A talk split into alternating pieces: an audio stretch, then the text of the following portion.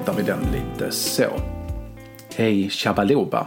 Det här är världens bästa poplåt som har tema omöjliga låtar, alltså låtar som av olika anledningar inte borde finnas men som ändå av någon möjlig outgrundlig anledning lyckas finnas och är fantastiska trots att de alltså inte kan finnas. Det kan vara att de är moraliskt förkastliga av en eller annan anledning eller att de bryter mot konventioner som ingen borde bryta mot eller något annat. Låtar som all logik i världen säger att de inte kan existera. Dagens avsnitt följer temat men bryter lite mot det då och då. Idag handlar det nämligen inte bara om en låt utan om en hel LP. En LP som strider mot sans och vett men ändå finns den där och är otrolig, otrolig på ren jävelskap. Vi ska prata om Tommy Bolin. Bolin är en gitarrist som kommer att bli bortglömd. En gång var han förebild och dyrkad och så som en av de stora men numera pratar i stort sett ingen som inte är en man över 50 med en vinylsamling på 2000 eller fler skivor och som kan sitta i timmar och diskutera om det är Japanpressar eller Hollandpressar som är de bästa pressarna som minns vem Tommy Bolin var. När Killinggänget skrev sina Killinggängiga Killinggrejer hette Jonas Indes hårdrocksparodi Tommy Bolin. Redan på 90-talet så var det lite på gränsen för om skämtet gick hem eller inte. Men vi som varit hårdrockare på 80-talet eller 70-talet, eh, vi förstod. Vi låg. Tommy Bolin är en av de där som borde blivit så mycket större men som inte blev det eftersom han först knarkade bort sin förmåga att alltid kunna ge bra föreställningar och sedan sin förmåga att andas. Tommy Bolin dog av en överdos heroin, alkohol, kokain och kodein. Ofrivillig överdos verkade som. Han spelade tillsammans med Peter Frampton och Jeff Beck tidigare på kvällen den 4 december 1976. Hade hur kul som helst och de skulle spela igen nästa kväll. Sista fotot på honom är tillsammans med Jeff Beck. Sista orden någon minns var efter att Beck sagt till honom att ta hand om dig och Bolin svarade att han har alltid tagit hand om sig själv i hela sitt liv. Oroa dig inte, jag är här för att stanna.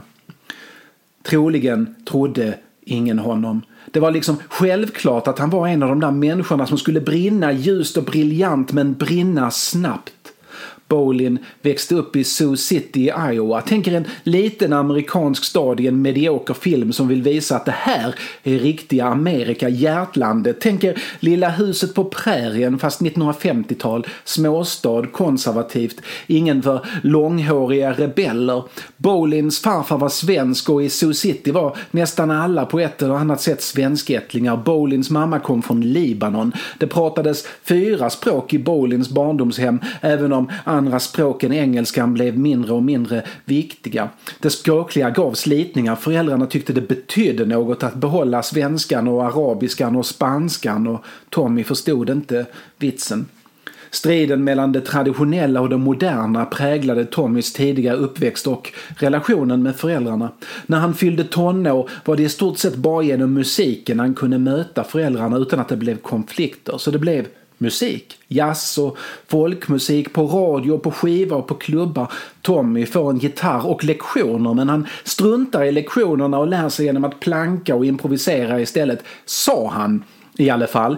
Han odlade väldigt tydligt myten om sig själv som självlärd men musiker han har spelat med senare säger att att den Tommy Bolin de spelade med var väldigt duktig på att skriva och läsa noter. Nästan för duktig för att vara någon som är helt självlärd. Hur som helst så flyttar Bolin till Boulder i Colorado som 16-åring för att komma bort från allting och där bildar han bandet Zephyr som snabbt blir populära nog att kunna försörja sig på att spela Rolling Stones och Beatles covers för dansande ungdomar. 1969 spelar de förband till Led Zeppelin och 1969 spelar de också in sin LP och den låter inte alls bra. Men att det är ett begåvat gäng som spelar råder det ingen tvekan om. Bolin inser att om han ska kunna leva på sin gitarr så måste han flytta till Los Angeles eller New York och slumpen tar honom västerut. Flera år på scen i olika coverband och en unik spelstil gör honom raskt populär som studiomusiker. Han kan spela allt utan att det låter som att han imiterar. Han är i studion på dagarna och spelar blues och country på kvällarna. Lär känna Graham Parsons som också han är lite vilsen efter att ha blivit ombedd att sluta i The Birds och får lite hälsotips av Parsons. En av de mer bortglömda supergrupperna, alltså popgrupper som består av redan etablerade artister, är James Gang. De var populära och deras lite speciella blandning av funk och rock låg på topplistorna men 1972 hade deras gitarrist och främsta låtskrivare Joe Walsh fått nog och slutade. Han ville vidare och vidare gick han. Hans nästa stopp blev The Eagles och gitarrsolot på Hotel California. Men innan han lämnade James Gang rekommenderade han den där Tommy att han skulle ersätta honom.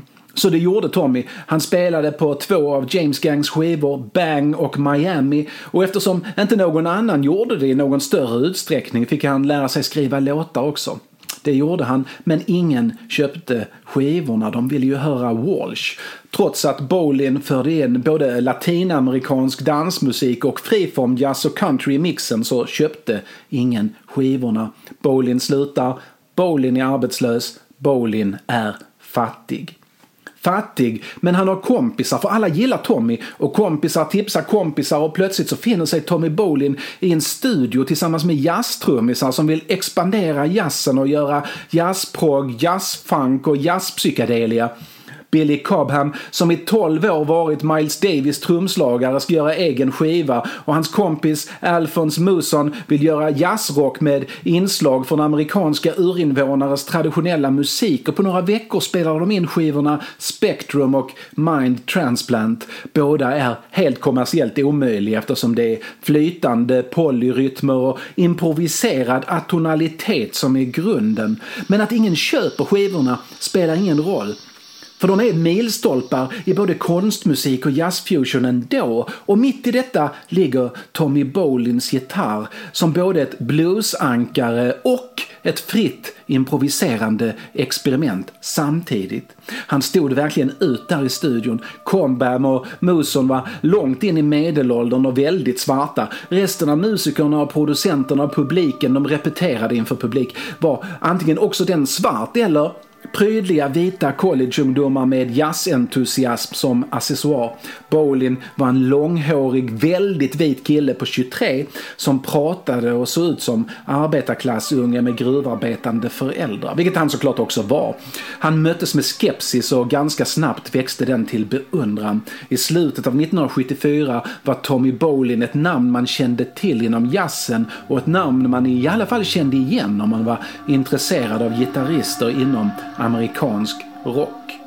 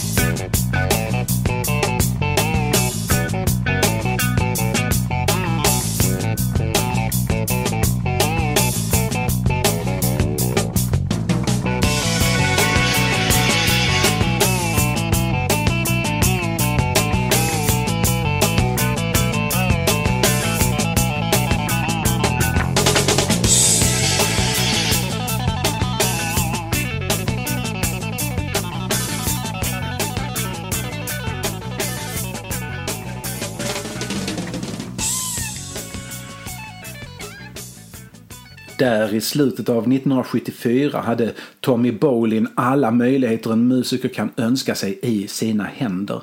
Han är respekterad, han är snygg, han är ung, han kan skriva låtar, han kan spela precis alla musikstilar som fanns 1974. Syntpop och sånt skulle komma först efter hans död. Han fattar beslut som kanske inte så här i efterhand framstår som det smartaste men de gav upphov till otrolig musik. En omöjlig LP, nej fan två omöjliga LP-skivor som hänger ihop.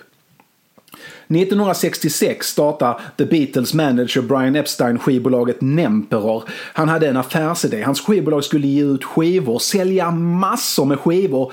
Problem uppstod ganska snabbt när han upptäckte att den enda poporkester han hade tänkt sig att ge ut på Nemperor dels inte ville bryta med sin producent George Martin som var knuten till EMI och dels inte var fria att ge ut skivor på ett annat skivbolag än EMI.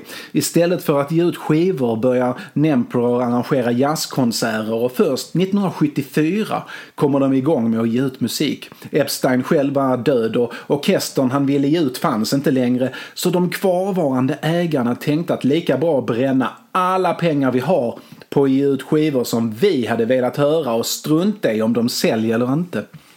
Den första artisten de skriver kontrakt om skivutgivning med är Tommy Bolin. De ger honom nästan obegränsad studiotid och fria händer att skriva och arrangera musiken. Samtidigt, fast några år tidigare, i en annan del av världen.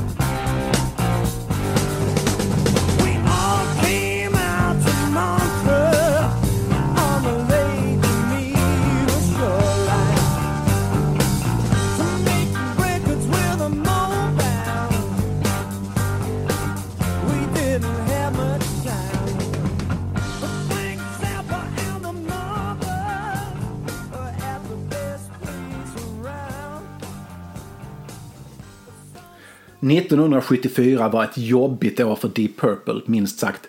Deep Purple räknas som ett av de stora tre banden. De tre ursprungliga hårdrockarna, giganterna.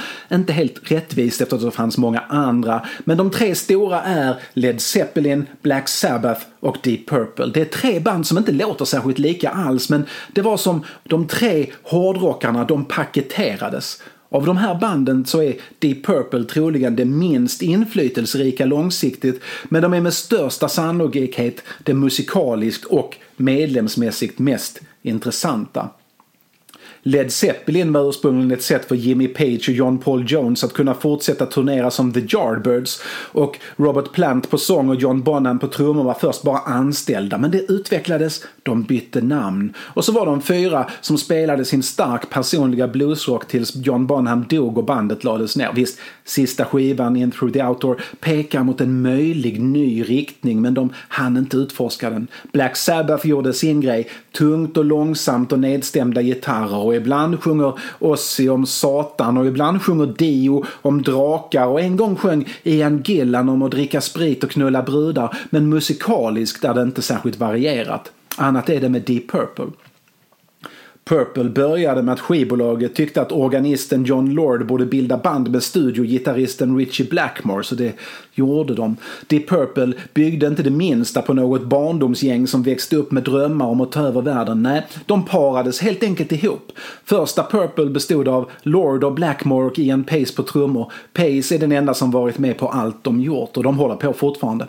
Första versionen av Purple spelade popmusik med psykedeliska inslag. Lord var en klassisk skolad organist och Blackmore spelade klassisk gitarr men var mer inne på folkmusik. Rocken var inte deras passion på något sätt men det var ett jobb. Nick Simper spelade bas, Rod Evans sjöng. De fick en hit med låten Hush och Livet lekte. Men John Lord ville spela seriös musik och uppfattas som en seriös musiker så han smög in en massa klassiska influenser och snart var Purple en märklig blandning av pop, psykedelia, klassisk musik och några hårda bluesprylar som Blackmore börjat skriva för att balansera Lords tendenser. Här är Anthem från deras andra skiva Book of Taliesin 1968.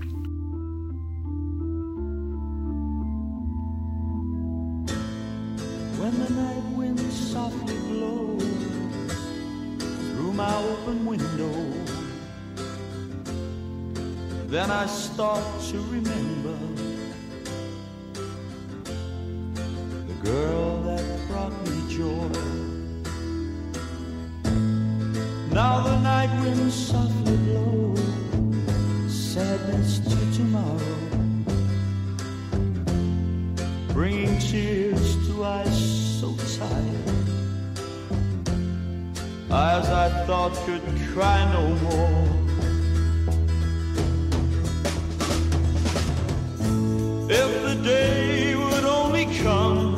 Then you might just appear, even though you'd soon be gone. When I reached out my hand, if I could see you.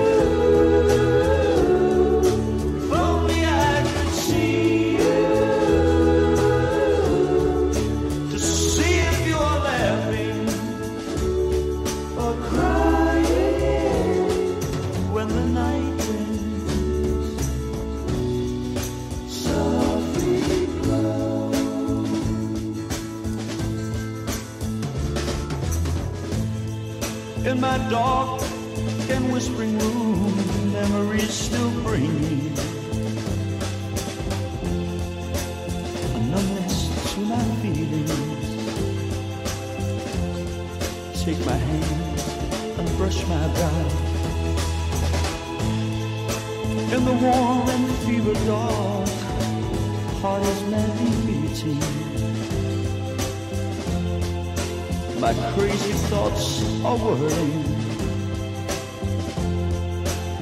When the night winds softly blow.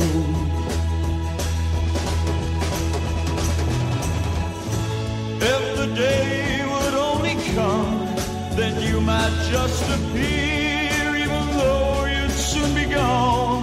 When I reached out my hand, if I could see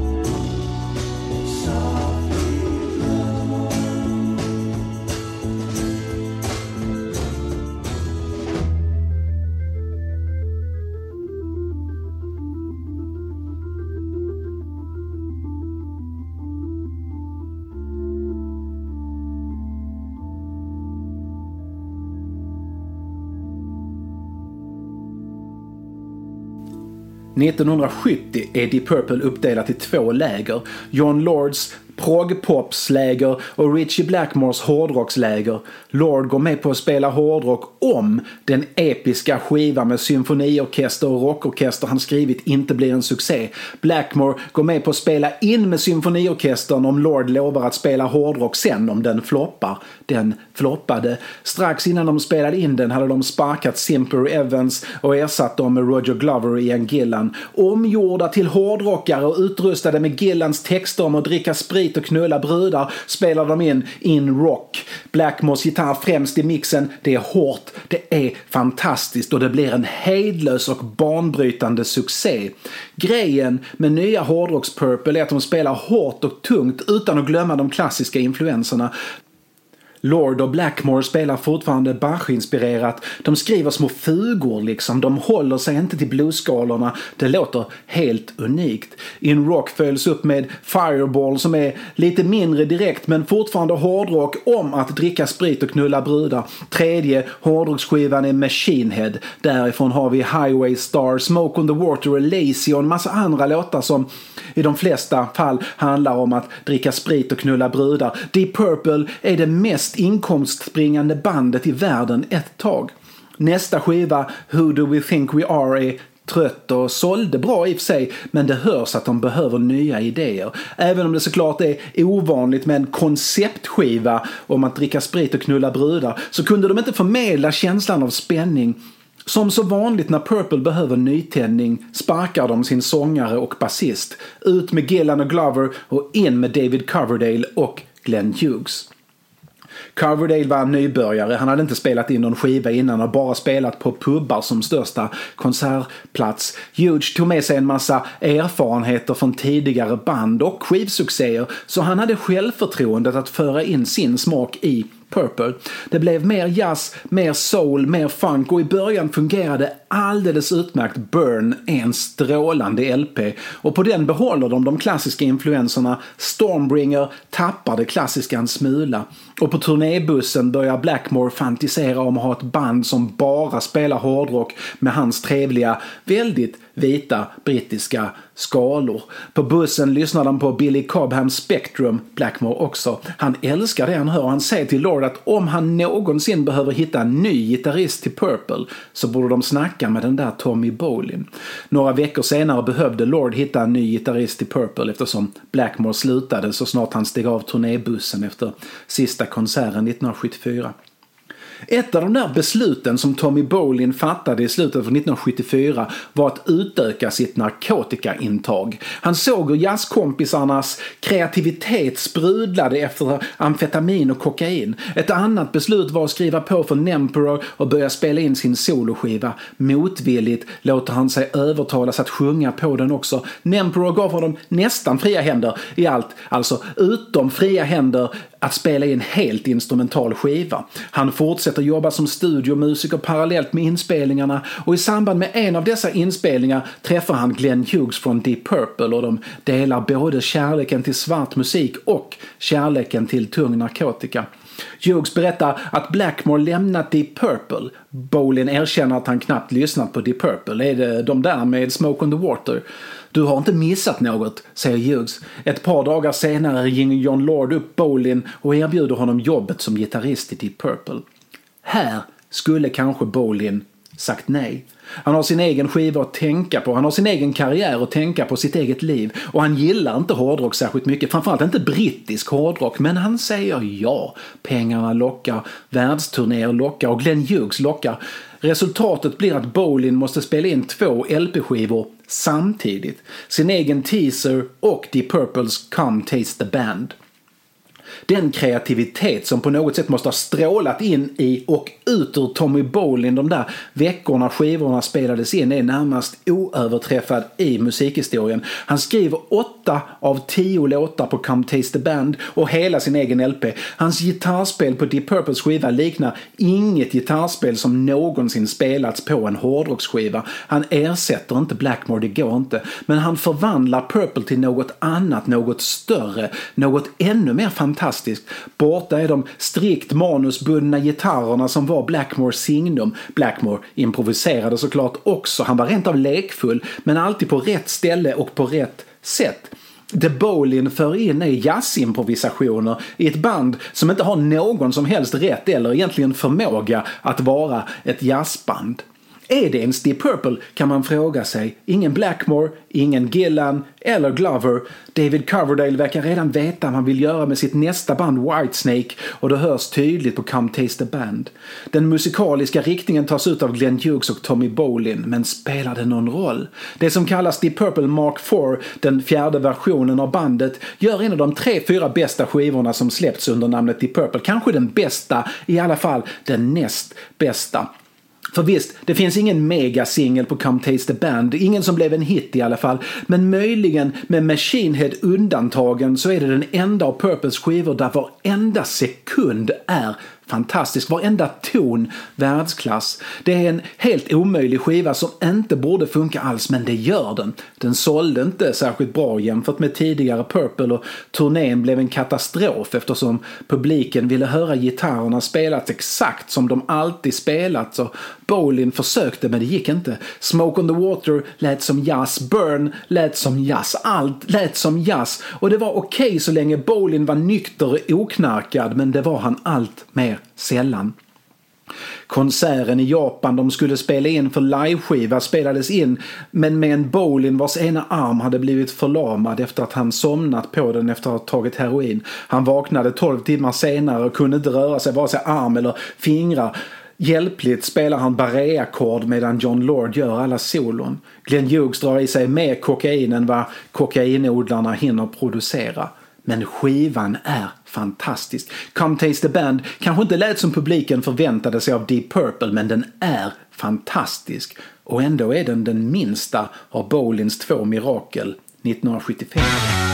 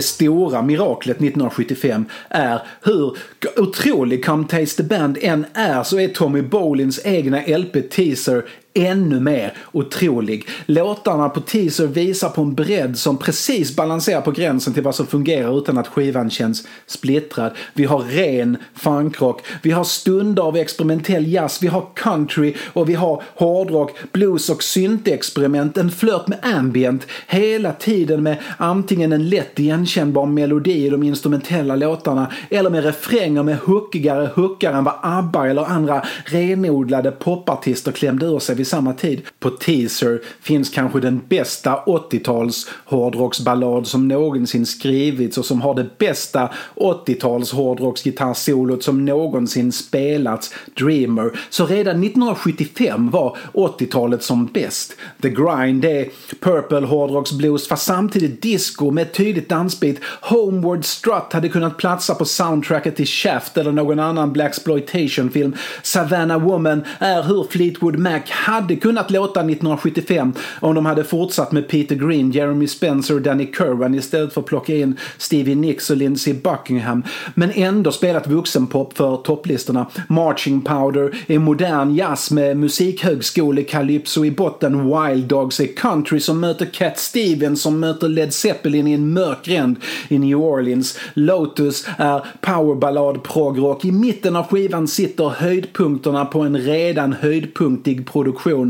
Teaser, titellåten och People People. Båda är världens bästa poplåt. Med möjligen att People People är den lite mer intressanta av dem för den blandar stilar en aning mer än Teaser. Teaser är dessutom en låt som kanske hade mått bättre av att spelas av Deep Purple. Jag menar, bara lyssna.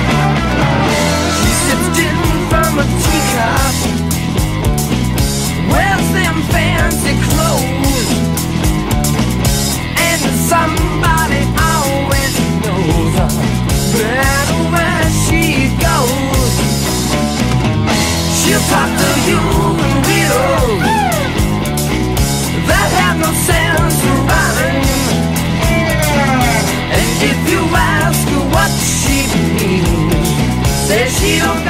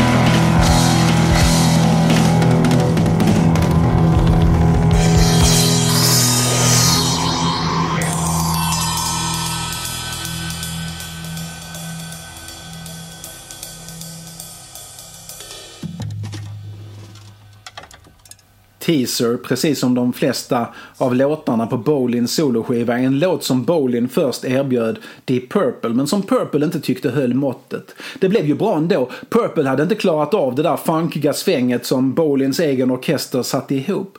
Bolins medmusiker är ett annat mirakel 1975. Alla gillade Bolin och alla som spelat in i Los Angeles hade antingen själva jobbat med Bolin eller kände någon som gjort det. Man visste att Bolin tagit på sig en aning mycket genom att gå med i Deep Purple samtidigt som man skulle göra sin egen pryl, så de hjälper till.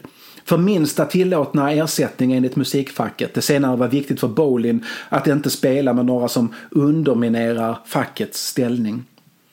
Bolins poporkester på LPn Teaser består bland annat av Stanley Sheldon, basist från Peter Framptons band, David Foster på keyboard, senare mest känd som producent och låtskrivare. Inte minst skrev han Chicagos smörigaste ballader, Jan Hammer på syntar. I Sverige är han kanske mest killen som skrev och spelade musiken till Miami Vice, men han är något av en teknologigud i amerikansk musik. David Sanborn spelar saxofon och Teaser blev hans kliv in i den vita musik musikvärlden efter tio år på Motown som bland annat Stevie Wonders saxofonist. Efter detta blev han David Bowies saxofonist.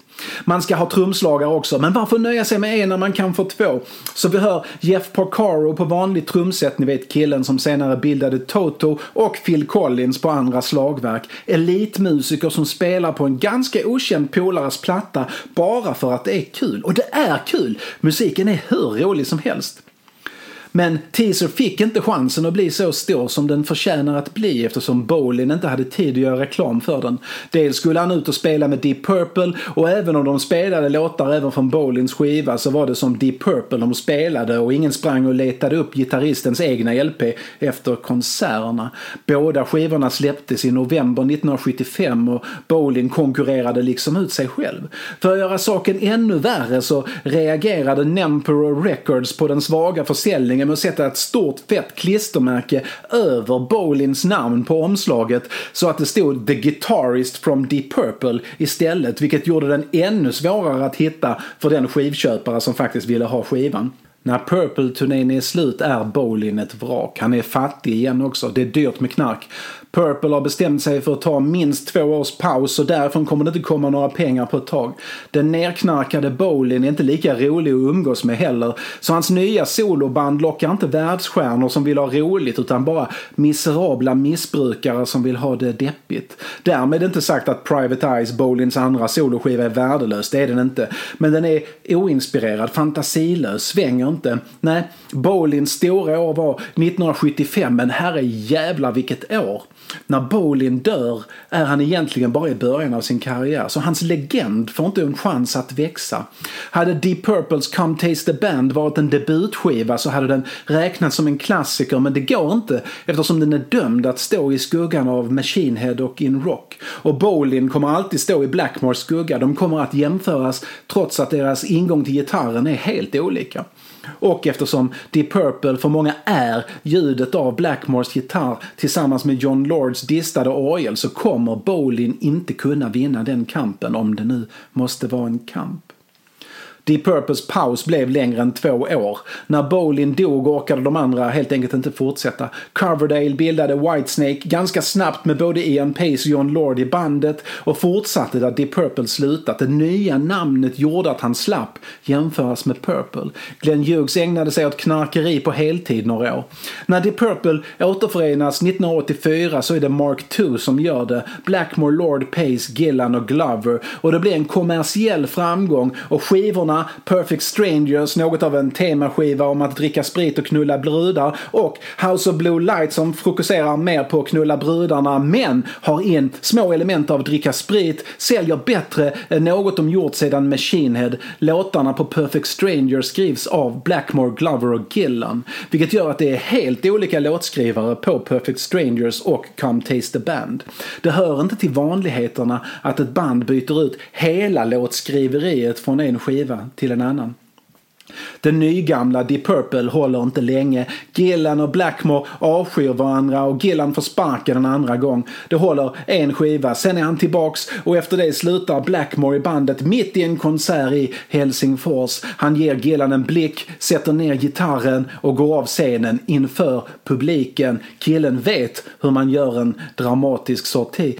Purple skaffar en ny gitarrist, mestadels Steve Morse, och spelar in fler skivor men Morse har vett att imitera Blackmore istället för att göra en helt ny pryl. Och Purple spelar på. De finns än idag, november 2023. Så om du är riktigt sugen på att gå på en konsert där du hör gubbar sjunga om att dricka sprit och knulla brudar så kan du gå och lyssna på Deep Purple fortfarande. Blackmore är inte med och inte John Lord heller eftersom han också är död. Come Taste the Band är i alla fall ett grymt underskattad skiva och den kan stå mycket väl på egna ben, kanske rent av bättre på egna ben än på Deep Purples ben.